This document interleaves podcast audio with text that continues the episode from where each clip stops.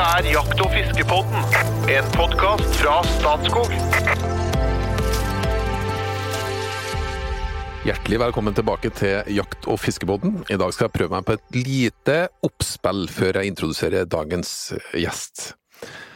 Den romantiske Freia-kua på ei idyllisk norsk seter har gått fra å være et slags nasjonalt ikon til å bli et utslippsproblem. Melkesjokoladekua har blitt en vandrende metangassfabrikk som ender som helsefarlig rødt kjøtt, som uansett ikke skal i magen til det økende antallet vegetarianere. Og viltkjøttet, ja, kanskje går det akkurat samme dragsuget. Velkommen, Ragnar Kronstad. Greide jeg å provosere deg bitte lite grann med innledninga? Uh, nei, men jeg er veldig overraska, for tenk om viltkjøttet kom i samme dragsuget som eh, de tamme husdyrene har måttet leve i en stund. Hva, hva er situasjonen for, eh, for eh, norsk rødt fe? Eh, norsk rødt fe overlever nok veldig bra, fordi at vi i Norge Um, har jo det ressursgrunnlaget vi har. Vi er et grasland. Så det at vi, hvis vi skal overleve for framtiden, så er vi helt avhengig av landbrukspolitikk som uh, ivaretar det. Så vegetarianerne og de som mener at vi må kutte ut rødt kjøtt pga. klima, de vil nok på en måte måtte flytte. For det skal vi overleve dette landet, så er vi avhengig av dyr som omsetter gras til, til mat for mennesker. Hmm. Og med de bevingende ord, kan du si litt om hvem er Ragna Kronstad for noen? Ja, Ragna Kronstad hun er opprinnelig journalist. Jobber som kommunikasjonsråder, vi har gjort det mange år i ulike landbruksorganisasjoner, og jobber nå i Sabima, som er i en, en paraplyorganisasjon for ni biologiforeninger i Norge. Altså det er foreningene som passer på alle insektene, blomstene, fuglene, eh, pattedyrene. Alt vi hører og ser, og alt som lever i naturen. Så vi jobber veldig mye med eller Vi er eneste miljøorganisasjon som har biologisk mangfold som kjerneområde, og vi er veldig opptatt av kulturlandskapet og det biologiske mangfoldet i utmark. 24% av artene som er truet i Norge i dag, er i kulturlandskapet, altså utmark. Og, og, en av de største truslene der er gjengroing. Og det er ofte i dette landskapet også man finner viltet vårt. Og så er det i skogen. Men du skriver også? Jeg skriver, ja. Jeg har hatt fast spalte i Nasjonen. Og så har jeg blogga litt. Og så er jeg også utdanna agronom. Så jeg har veldig stor interesse for spesielt hjortedyr, både tamme og ville. For ordens skyld, siden du er Hvor, Hvordan finner man bloggen din? Å ja, nei, ja, nei, det er navnet mitt bare, men den er ikke så veldig aktiv. Det var bare I perioder så skriver jeg mye, og andre ganger så skriver jeg mer der for å komme på trykk, for å med meningene mine. Ja. Mm. Hjertelig velkommen til deg også, Jo Inge Bresjeberget. Du har satt deg litt inn i viltkjøttets posisjon. Ja, jeg har det. Her vil du høre. Ja, går det? Tusen takk, forresten.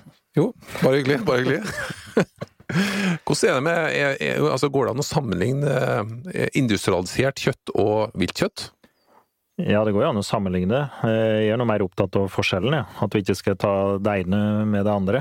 At eh, hvis det blir fy-fy å ete industrialisert kjøtt, noe vi ser at det er trender som, som går i den retningen, at vi ikke drar med viltkjøtt eh, i samme dragsuget. Det er det jeg bekymrer for. Og det må jeg si. Mm. Eh, og velkommen til deg, Espen Farstad fra Jeger og Fisk. Hei, hei. Hell norsk utmark på å bli litt ut. Og så snakker vi by, vegetarianer, fjelltopp, og ikke, ikke kjøtt. Ja, altså, fornemmer liksom at det er et eller annet litt sånn fremmedgjøring til, til naturen, da, på en måte. Det, og det har vi jo snakket om lenge, men jeg syns nok kanskje at jeg kjenner at det er litt sånn vind i de seila der.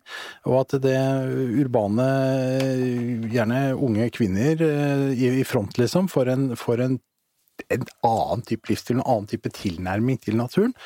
Eh, vi har jo sett utslagene i forhold til, til pelsindustrien, hvor det har vært veldig sterke fronter, ja, og, hvor, og, hvor, dette på en måte det har utvikla seg. Så tenker jeg at ja vel, kanskje det er greit, jeg vet ikke, jeg mener ikke så sterkt om det, men så tenker jeg at en, når man får litt sånn sterke følelser og sterke bevegelser, så blir det ofte litt sånn der pendelsvinging på dette her sånn, og da at pendelen kan slå litt langt ut, og at den fort kan vippe borti både, både jakt og, og fiske og, og, alt som er liksom rundt disse kjøttdiskusjonene. Mm. Kjøttfrie dager på institusjoner i Oslo kommune. Eh, Du får ikke inn noe viltkjøtt der, vet du. Mm. Er det kjøttfritt, så er det kjøttfritt, ikke sant? Altså, så det, ja, litt sånn rundt dette her. Det er Sånn. akkurat det jeg er bekymret for, da. Ja. men, det går med i samme dragsuget. Ragnar, kan du sette det inn i litt sånn større perspektiv? Hva er, hva er det som skjer med norsk utmark, egentlig? Ja, norsk utmark um, ja, Da drar jeg de virkelig Ja, ja, kjør på. Ja, fordi, sånn som det ble nevnt, så vi kom jo etter reinsdyra. Eh, vi, vi jaktet oss opp til Norge når isen forsvant. Eh, og da isen forsvant, så skjedde noe annet. Det var ikke bare reinsdyra som kom, for reinsdyra fulgte jo etter eh, vekstene her. Og, og da isen forsvant, så kom det også en del planter eh, opp langs elvekanter og rasmark osv. Eh, som har levd i samspill med de virkelig store hordene av eh, beitedyr som vi har hatt i vår historie, som nå er for lengst utdødd. Mammuten, ullneshorn, eh, gigahjortene. Alt dette her, eh, restene av disse plantene som disse levde av, de finnes nå i vår utmark. Så, så eh, og disse her plantene de er helt avhengig av å bli spist. De har blitt tilpasset liksom, det, Før nordmenn ble nordmenn, eh, titusenvis av år, så har disse plantene utviklet seg sånn hundrevis, hundretusenvis av år. Utviklet seg sånn at de har lavt vekstpunkt, de trenger lysåpninger, de trenger å bli spist, de trenger å bli Det genetiske materialet trenger å feste seg i pels, i avføring. Det trenger å bli transportert uh, via, via hjortedyr. Eh, og når da vi begynte å domestitere husdyrene våre Gjerne med mye setring, altså ikke bare én seter, men tre setere. Vi, vi, vi, var jo nomadiske i landbruket først. Vi drev med jakt, og så, og så fulgte vi etter beitedyrene våre der hvor det var godt beite. Eh, Så dette her, så hele e- e- Ekstremt stort artsrikdom som følger av store horder beitedyr, eh, senere da husdyrene våre som på en måte har overtatt den, litt, den eh, rollen, da. Og, og, det, og det er veldig sånn morsomt å bare lære mye om dette her, fordi da, da skjønner man hvor, hvor finstemt det er. Eksempel bare det at det har gått en sau, da, eller en hjort, eh, et sted som tråkker i, tråkker i marka, så, så skaper det jo en lysåpning. Alle som har sett et spor, ser jo det. Jeg vet jo hva jeg mener, snakker om nå. Mm. Og akkurat den lille lysåpningen, akkurat det lille tråkket, trenger liksom et frø til for å spire. Og kanskje også en sopp. Sopper og så er jeg veldig avhengig av dette lysåpne. Uh, og, og det er liksom når da den debatten som har kommet nå med at vi skal ikke spise rødt kjøtt, vi skal ikke spise Én ting er vegetarisme i forhold til at man ikke vil drepe dyr, den er jo, det er jo en, he- et helt annet sidespor, men Ja. det i forhold til klima, eksempel, at eh, Og de promper. Metan er en urbakterie. altså Det er jo det som gjør at eh, dyra i det hele tatt kan spise gras, er jo at de en del av den prosessen i magen i vomma til dyra er jo at de ja, promper metan. Det er jo hele forutsetningen for at du klarer å omgjøre denne ressursen til mat. Eh, men, men da så, glem, så har liksom bare klima blitt den eneste faktoren for at noe er klimavennlig. Eller, eller miljøvennlig eller ikke. Men så glemmer man jo den, den essensielle rollen de har for å opprettholde biologisk mangfold. Og når vi snakker om at 24% av artene våre som er truet, er i dette landskapet, i utmarka vår, i, i kulturlandskapet, det som har vært drevet av mennesker, så sier det noe om at vi må, vi må, vi må klare å tenke mer komplekse uh, tanker i hodet. Uh, at husdyra våre, som, og da også hjortedyr, har en unik rolle i naturen for at vi faktisk har disse, fortsatt klarer å beholde disse blomstene. Og hvem er det blomstene er viktige for? Jo, insektene. Og hva er det som liksom har tatt verden med størst frykt det siste nå? Ved siden av klimaendringen? Jo, det er insektdøden. Så det at det liksom en ku eller en hjort, eller hva, hva enn det er som skaper dette livsgrunnlaget i naturen vår for at blomstene kan blomstre og insektene kan komme, det er liksom det, er, det er en stor sammenheng, og de, disse tankene har blitt sånn forenkla så veldig. Altså det med liksom innfri en kjøttfri mandag, så, så, så har man slutta å snakke om ja, hvordan, men hvordan henger sammenhengene i naturen sammen? Og det med fremmedgjøring, det er jo bare, det kan vi snakke kjempemye om. For jeg er jo jente fra byen, og, og, og, og, på en måte har, lever jo i dette her med å ha hatt blod på hendene, og, men det er, det er mange fortellinger om den fremmedgjortheten der, altså. Hvor, hva, hvor kommer vi fra? Vi er jo her av det landskapet vi har rundt oss, og da å høste fra det landskapet, det er jo det som binder oss hit, altså som nordmenn. Og så nå, nå, nå, nå er vi koblet fra landskapet, da. Og det brenner jeg veldig mye for at vi liksom kobler oss på landskapet vi er en del av igjen. Men du, så du, du sidestiller på en måte vilt med, med husdyr også? Eller, altså en type husdyr sånn som eh, f.eks. sau som går ut i Ja, beitedyr. Ja. Ja, beitedyr, ja. Og så beitedyr som får lov til å beite. Altså en ku som står inne i et fjøs for det skal være klimavennlig og blir fôra med kraft for, er jo ikke den kua jeg brenner for. Jeg brenner jo for den kua som faktisk får lov til å gå ut i utmarka og gjøre jobben sin og være i det samspillet den alltid har gjort. Som en arvtaker fra de ville beitedyrene. Men, men i dag så har vi da husdyr og ville beitedyr eh, om hverandre, og begge to har en funksjon. Men Beites det er min, mindre i utmarka nå enn før? Å ja! Det er jo sånn Og hva er tallene? De er så store at jeg ikke husker de. Det er sånn Det er sånn og millioner av fôrenheter som ikke blir brukt. Det er rast. Fra 100 000 setre, så har vi i dag 900 seter igjen. Altså, ja, så det var halvert på en tiårsperiode. ja, det er helt grusomt. Og, og, og, og, og så var det jeg skrev sist, at vi har jo snart flere sånn Farmen reality-deltakere enn vi har ordentlige seterfolk seterfolk igjen. Mm, mm. Bare for å ta den, da. Det, det er jo kanskje en av de eh, eh, positive fordeler, eller eh, positive eh, jeg skal si, ulikheten mellom eh, beite, eh, ku, storfe, beitedyr og hjortedyr. At de ikke beslaglegger annet eh, landbruksland for å skape mat. Vi, vi mater dem ikke om vinteren. Altså, nå er det jo fôringsforbud, vi har noen steder vi driver mater, men i prinsippet ikke mater dem. Og at eh, det metanutslippet de eventuelt står for, i prinsippet er regnet for å være eh, altså en del av kretsløpet. Da. Altså de står, oppstår, og de dør på samme sted, og det er en del av kretsløpet.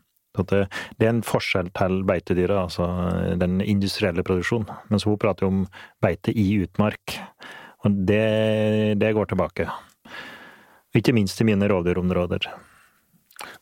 Ja, bare litt inn på det med utmarksbeite, og så har vi jo altså kjøttforbruk, eller bare litt inn på det der igjen, for at det, eh, strengt tatt så spiser vi vel mest gris, gjør vi ikke det?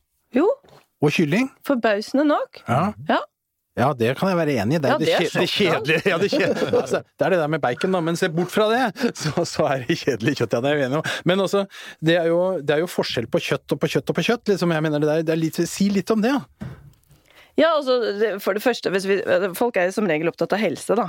Jeg har jobbet med økologisk mat, og det, det, liksom det som funka en stund, var jo, var jo det at ja, hva er det best for meg og mine barn? og jeg, det, man, man bryr seg først om hva man putter i munnen når man får barn, for da skal det liksom være det beste av det beste. Og så går man over på økologisk.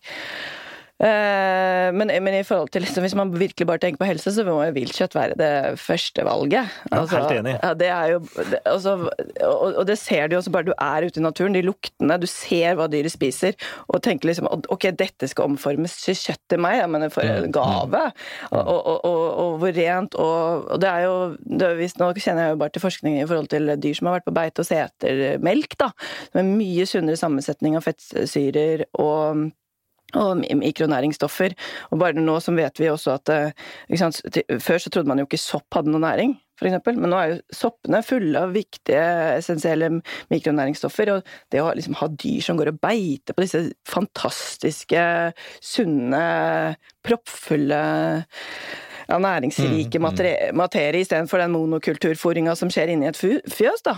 Så det er jo vanvittig sunt. Så hadde jeg Ja, nei Ja, hadde du, du, du, Jeg du er jeger, Ja, men jeg har ikke akkurat forsynt meg selv med så mye kjøtt. men fra høsten av så får du ja, en pipe en annen lyd. Ja, da, og jeg har Det snille kan jeg hjelpe til med. ja, ja. Jeg har jo snille folk som jeg har vært på lag med, så jeg har, har jo litt kjøtt i fryseren. Reinsdyr og hjort. Men eh, det er ikke jeg sjøl som har klart det ennå. Ragnar nevnte på det med økologisk. Eh, Jeg leste en rapport fra LMD fra 2009, tror jeg var, at det var en målsetting at 15 av vårt eh, forbruk skulle være økologisk mat. Eh, Jeg husker ikke hvor tid det var, men det var i hvert fall 15% skulle være økologisk. Og der kan viltkjøttet komme inn. Vi har ikke lært å kalle det økologisk. Det er jo en beskyttet tittel, sånn. men, men vi kan i all hovedsak si at viltkjøttet er økologisk. Altså som prinsipp, men vi har ikke lært å kalle det økologisk. Men der vil viltkjønnet komme inn. Ja, ja, absolutt. Og det, det, det mener jeg altså i Jeg har jobbet med mat en stund og sett på forbrukertrenere, og det, det er jo flere og flere som er sånn flekserianere. Så hvis de skal spise kjøtt, skal de bare spise kjøtt som liksom har hatt det sånn og sånn, og vilt. Og det har vært en stund, da. At det, skal de spise, så skal de spise vilt eller ingenting. Altså, ja. Du, de, de, de diskusjonene der, går dem eh, også internasjonalt? Er, er, står vi en særstilling i Norge, eller er det Det har jo gått så mye lenger i andre land. Og det, det er det jeg frykter ofte, at eh, vi har, vi har liksom arvet en del av disse polariserte diskusjonene fra andre land hvor ting har gått mye verre. Når vi overfører vegetarianerargumenter fra feedlot-Amerika over til Norge, norske forhold, så blir det sånn det blir jo så krasj, og så må du sånn Stopp! Det er jo ikke sånn landbruket er i Norge. Stopp! Det er jo ikke sånn vi har det. Vi har ikke, eller, eller slaktebilruter, ikke sant. Vi har jo reguleringer på alt i Norge, så det er liksom det, Jeg syns vi overtar mye. Men det jeg har oppfattet i forhold til Kanskje ikke det med at det, liksom er, det er ikke klimavennlig å spise eh, viltkjøtt, da, at man skal utrydde hjortedyr fra naturen, det, det virker bare helt absurd pga. metanutslipp. Men vi bruker det jo ofte sånn ja, skal vi skal vi få bort sjiraffen, da, fordi at den slipper ut metan? Det er jo helt absurd. Altså, Forfølger man det greiene med metan, så blir det jo bare absurd. Men, men eh, jeg tenker på med fremmedgjøring at eh, jeg bare har fått med meg at uh, i Europa så, så, har jegere begynt å få mer trøbbel med det at det der med å høste fra naturen at, at, at, Og det er jeg mer redd for, da, i Norge. At man, man får en demonisering av jegerstanden. Jo, men det henger, det henger, det henger litt sammen, dette her. Sånn, Ja, for at det, fordi at du får, du får noen sånne linjer her. Det er litt sånn by-land i dette. Det er, det er litt sånn urbanfenomen å skulle Altså, på, på, på bygda så bor det litt sånn øh, Ja, nå ser vi halvfeite, halvfeite gubber som spiser rødt kjøtt, ikke sant? Mens i byene så løper det spreke unge jenter rundt og spiser hvetegress til frokost, liksom. Og det, de, de der bildene der sånn, og litt på kjønn, som jeg om, ikke sant, eh, på det. Og det, når man får sånne skillelinjer, så blir det fort en stigmatisering. Ikke sant? Og da kan, blir det også en stigmatisering av debatten. Da kan man få sånne dumme utslag som det du, du nevner, da, tenker jeg. Marias jakttips. I Norge har jakt veldig god oppslutning i befolkninga. I stadig flere områder i verden så forbys jakt, mens det her er sett som en viktig del av vår kulturarv. Heldigvis, og det må vi ta vare på. En måte å gjøre det på, det er å trygge andre på hva vi holder på med, og hvorfor vi gjør det. Hva gir jakta oss, og hva opplever vi? Dagens tips går ut på å være en god ambassadør for deg og jakt, særlig til de som virker kritisk. I ei tid der folk snakker ned deg å spise kjøtt, så glemmer de at viltkjøtt ikke er produsert på miljøskadelig vis, og at dyrene har hatt det langt bedre enn de fleste dyr i fangenskap. Snakk med folk om det her, og si hei til folk du møter når du er på jakt. Ja visst, så kan det være litt kjedelig å oppsøke folk i terrenget når du endelig har tid for deg sjøl der ute. Men i stedet for å snike deg bort og se litt skummel ut der du går med våpen, vis folk at du er en trivelig jeger. Helt naturlig. Skittjakt. Kommer det kanskje ting tidligere til Sverige enn til Norge òg? Er ikke det inne slik? Vi har sett en del stygge Ja. hendelser med angrep på både på vanlig melkebruk, faktisk, men også på, vi hadde på pelsfarmer og eh, det i Sverige. Eh, Kommer de trendene tidligere til Sverige? Jeg vet ikke, men da, men da er det igjen på det som jeg kalte sidesporet, da, med forhold til dyr. At det var, var, var, Ja, ja. at Det er en del av debatten, Ja, og, og, men jeg har jo også vært i debatt hvor på en måte man ytterste konsekvens skal lære løven til å slutte å jage. fordi at det er jo ikke dyrevelferdsmessig riktig på savannen eh, med så mye lidelse. Så det er jo sånn en ekstremisme i dette her noen ganger, så du får jo helt bakoversveis. Eh, og- men, jeg, men jeg lurer på uh, Det er det med tilbake til landskapet vårt. Det å liksom vite Når du står i et landskap, da, sånn norsk eh, fa- fantastisk landskap, skog eller fjell eller fjord, og kjenner liksom at det du har nettopp har spist, eller at det landskapet gir deg de kaloriene du trenger for å gå i det landskapet, da. At det, noe mer helhetlig fins det ikke. Og det er liksom det å koble Og det, det, det tror jeg veien er liksom å koble oss på igjen. At vi, ser, at vi må, man må vite at det grunnen til at vi er her, er fordi det, denne naturen gir oss dette til å overleve.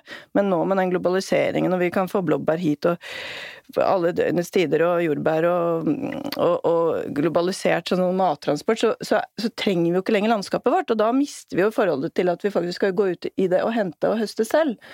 Og det, liksom det å koble oss på igjen de smakene og eh, liksom binde oss opp igjen til landskapet. Jeg har ikke noen løsning på hvordan vi gjør det, men det er, det er jo liksom det som har skjedd, da, at vi ikke lenger ser landskapet vårt som en del av vårt habitat. Ja, ja, som vi skal overleve i. Så det, så det er den fremmedgjøringa, altså Ja. den frakoblinga Ja. fra naturen. Ja, men jeg, jeg syns det er helt sånn skrullete liksom å tenke på en produksjon på andre siden av verden skal brødfø meg for at jeg skal gjøre dette her nå.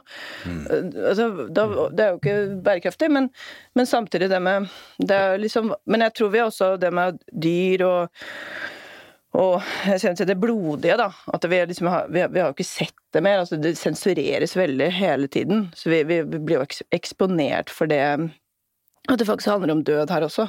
Altså det, mm, det, mm. det er litt sånn kraft, eh, for kraft, blitt for kraftig kost, rett og slett. Ja, ja. ja. At noen skal dø. Hvorfor blir det sånn, Espen? Hvorfor, hvorfor skjer denne fremmedgjøringa? Nei, ja, nei, jeg, jeg, det, En eller annen sånn eh, urbanisert virkelighet, så har vi en fjernhet til Du sier landskapet, vi sier naturen kanskje, men det blir jo egentlig det samme, på en måte. Eh, nei, jeg vet ikke, vi, vi, lever Noen ganger så får du følelsen at vi nesten lever i en slags kuliss, altså. altså vi, vi, er det, ikke sant? Det, og det er det vi bruker landskapet til, ikke sant. Vi skal på en måte være Europas grønne hjørne hvor folk kan komme og se, og så gå, men, men, men, men jeg er veldig enig med Ragnar at, at, at vi, må, vi må koble oss på landskapet, eller koble oss på naturen igjen, da, som vi ville sagt. at alt vi, alt vi Altså hele vårt livsgrunnlag, hele vår historie, alt vi spiser og som kommer jo fra denne naturen. Og det er jo, som du sier, sant, ganske rart å skulle ete blåbær hver dag hele året, som kommer i plastforpakning seilt langt vekke fra. Det er jo helt meningsløst, egentlig. Jeg eter den blåbæren sjøl, det er ikke det, ikke sant, men, mm. men når, når, du går inn og setter dette litt i perspektiv, så, så, er dette veldig rart. Så da må, vi, da må vi på en måte ta tilbake, la oss ta tilbake liksom vårt forhold til naturen, eh, og da tror jo jeg veldig på uh, aktiviteten jakt og fiske ikke sant? inn i dette, for det er på en måte å tilnærme seg naturen på som er så dypt inni oss. Her er det noen urstrenger som vi treffer, altså. Men det har vist da at det, jeg vet ikke forskning på hvilket nivå, men det har i hvert fall kommet fram at når folk er delaktige i naturen og høster eller dyrker, så får de mer forståelse for naturen mm. enn om de bare oppsøker villmark. Altså sånn ren naturopplevelse, gå herfra dit i, mm. i, på en, i en sånn ferdsel. For da, for da, merker de hva naturen er for noe. Hvilke, sånn, hva slags trøbbel, hva slags motstand, samspill, altså hvordan ting henger sammen. Så det syns jeg er kjempespennende. Liksom å tenke på at det, Jo mer du bruker naturen, jo mer forstår du den. Så det er liksom Ja, jeg, jeg er jo veldig opptatt av det med villmark også, så det er jo ikke det jeg vil ha, villmark. Men, men det er jo ikke det det der med at det, det er bare det å, å, å fare ut i villmarka som gjør at vi uh, lærer natur. Det er også å bruke naturen at vi lærer natur. At vi, mm. at vi, ser prosessen. Og så tenker jeg også på det med forvaltning av um, ja, forvaltning av de dyrene vi har i naturen. At vi, at vi, da gjennom det også skjønner mer da, av hva som skal til, både fiske og, og vilt, altså viltbestander. da. Kort oppsummert, jakt og fiske gjør deg til et bedre menneske. Jeg tror det. Og samfunnet. Ikke minst. Jo, men, det, bottom line her er, er, ikke sant? Det er meningen mening med livet som vi har snakka om mange ganger her. Da. Men er det en del av den urbaniseringen vi prater om? da? At folk fjerner seg? Altså, når det er snart flere Reality Farmen-deltakere enn det er aktive setebrukere. Altså, vi fjernes vekk fra bl.a. landbruket. da. Vi skal ikke mange år tilbake i tid før uh, de fleste hadde en eller annen fot innenfor landbruket. Ja. hadde kjennskap til landbruket og slakting og ta vare på den ressursen og dyrke ressursen. Men, men, men, men sånn som jeg ser det, som er en del av denne urbane uh, gjengen, da, uh, som folk ofte har veldig stor mistro til så, så, så, ser jeg jo samtidig at uh, det er jo fortsatt en Altså, Den pendelen har jo begynt å svinge litt tilbake. Det er jo en enormt sug. altså Med en gang jeg ofte med en gang jeg med åpne munnen, så er jo folk ekstremt interessert. Altså sånn, Nå tiltrekker jeg jo kanskje folk som er litt sånn interessert i utgangspunktet, men bare det at det, øh, det der med at jeg begynte på jakt, at det med dyrking Jeg har startet opp sånn urban dyrkingskurs, men Sånn, så det, er sånn, det er akkurat som det er magnet. da, sånn, åh, må vite mer, Men det er jo fordi kanskje folk er så fremmedgjorte, og det er så langt unna at det med en gang det er bare litt, så jeg, ofte bare Hvis jeg nevner Jeg har gått tur med eh, barn som ikke er mine egne, men som er venner, da og fortalte litt om hva jeg ser i naturen, og, og voksne som har vært med, så så imponert over kunnskapsnivået mitt, og jeg bare sånn dette er helt vanlige ting jeg ser og setter navn på! Mm.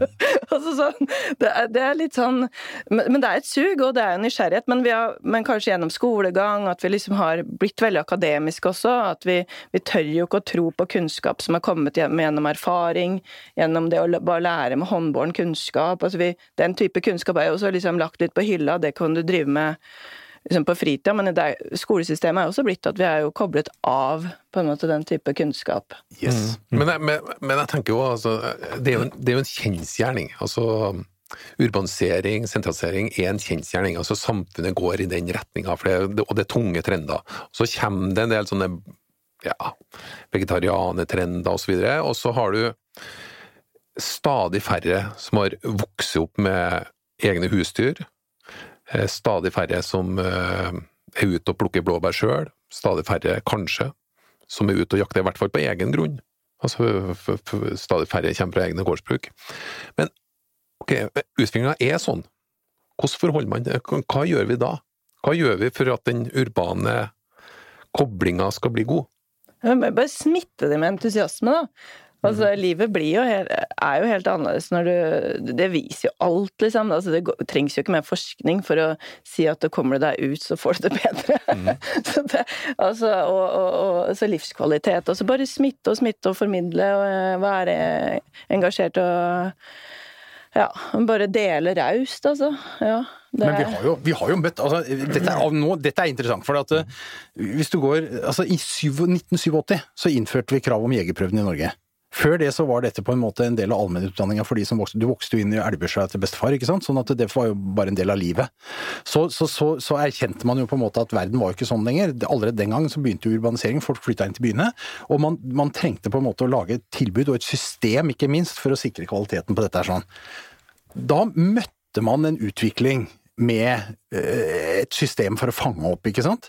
Eh, og her, litt for å utfordre litt den sida som du, du, ikke representerer, men prater varmt for, da, liksom, liksom landbrukssida og sånn. Ja, det blir færre seter, det blir færre gårdsbruk, så folk flytter til byene, det er store trender vi som organisasjon, Jeger og Fisk, vi prøver jo liksom å møte med kursing og tilbud og alt mulig sånt, og det skal vi jo selvfølgelig gjøre.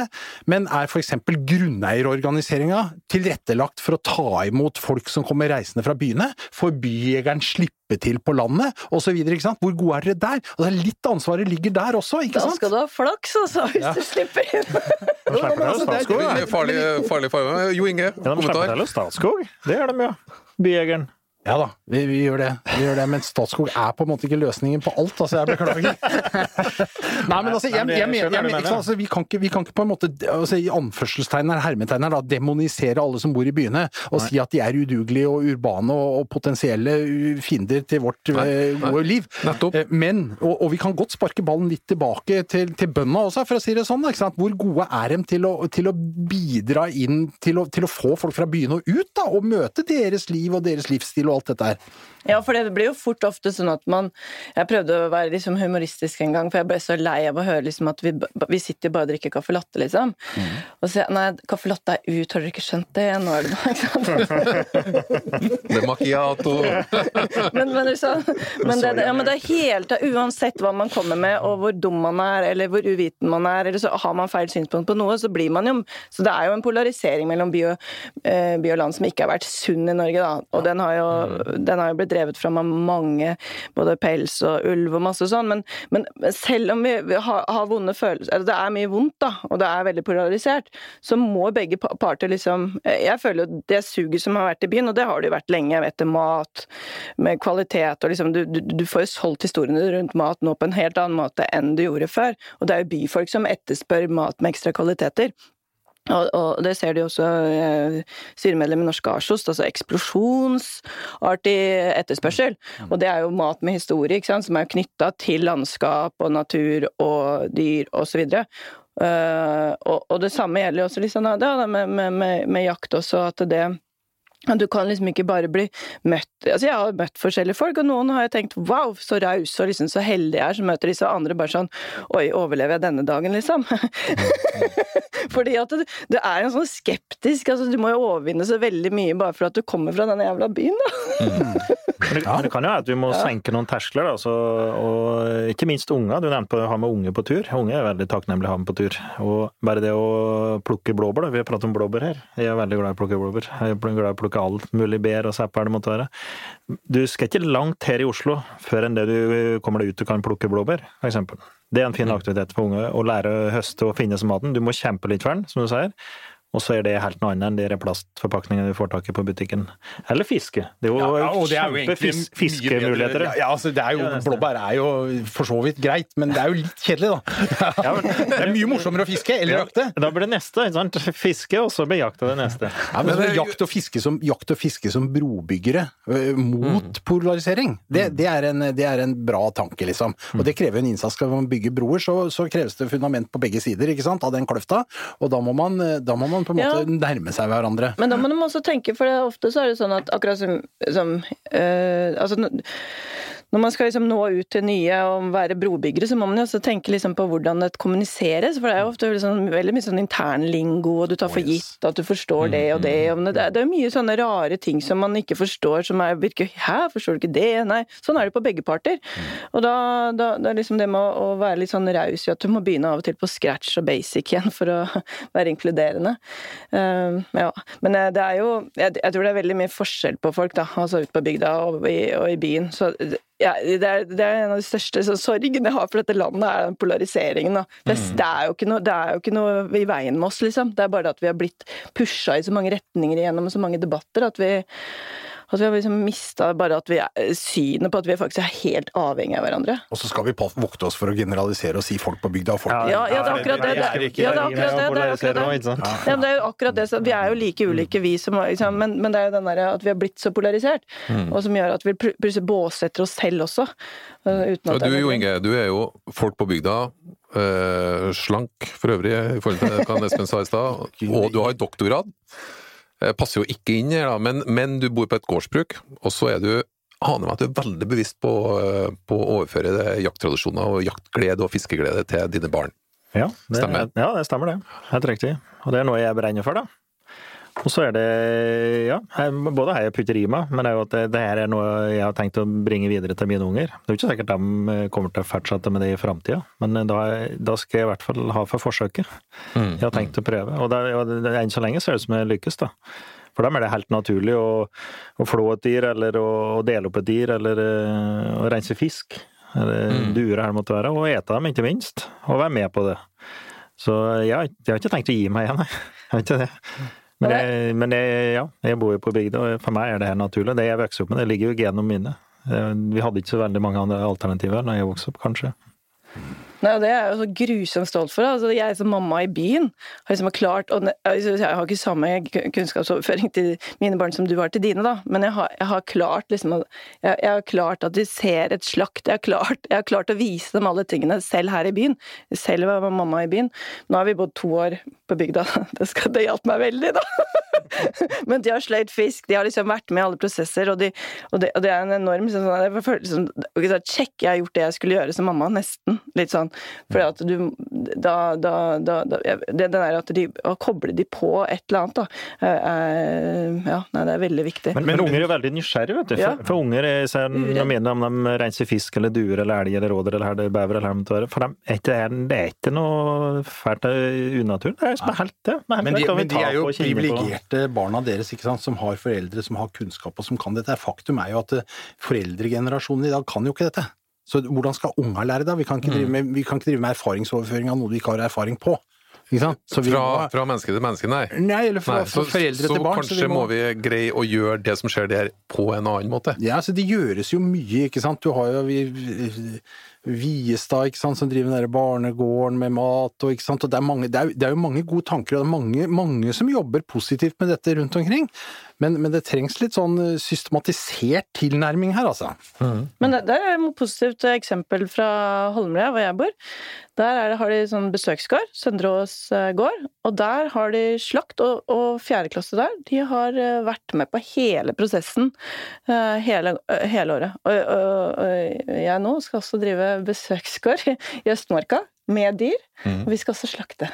Så jeg, så jeg skal være med og gjøre dette her i praksis, jeg nå. Dette har jeg trua på. Ja, ja. ja nei, det gleder jeg meg veldig til. Og det, det jeg gruer meg mest til, er jo kanskje liksom det der nettopp at det blir for, at det blir for drøyt for barna. At jeg må liksom bruke veldig mye sånn tid for å forberede, og kanskje foreldre og ja. Kanskje foreldre er verre. ja, ja. Men, men det jeg har opplevd før, da, når jeg har vært i sånne settinger og prøvd å formidle til barn, som er med voksne, så er barna veldig åpne og nysgjerrige. Men så skal vok de voksne på en måte sensurere klare å, å, å, å liksom ramme det inn på en eller annen måte for barna. Og da blir det sånn De voksne, kan dere gå dit, og så kan bare barna være her. Så hvis vi skal oppsummere. Bruk av norsk utmark. eh, Det er vel både klimavennlig og miljøvennlig? I hvert fall Og helsevennlig? Ja, det er alt i ett, fordi det er uh, bruk av ressurser. Verden trenger mer mat. Vi er et grasland, vi har utmarksressursene våre, øh, så bruk av de er det ingenting i veien med. Og vi må ha biologisk mangfold, uten det så overlever vi ikke, så ellers så kollapser øh, naturen vår. Øh, Vi trenger robuste økosystemer, og det er hjortedyrene også en del av. Og vi trenger god og sunn mat uten tilsetningsstoffer. Og ja, naturen er genial. Den har egentlig fòret oss så langt, så den klarer det fortsette, å fortsette med det framover òg. Hvis vi bare lar den være, da. Perfekt avslutning. Takk til deg, Ragna Kronstad, og velkommen tilbake til nye episoder av Jakt- og fiskebåten.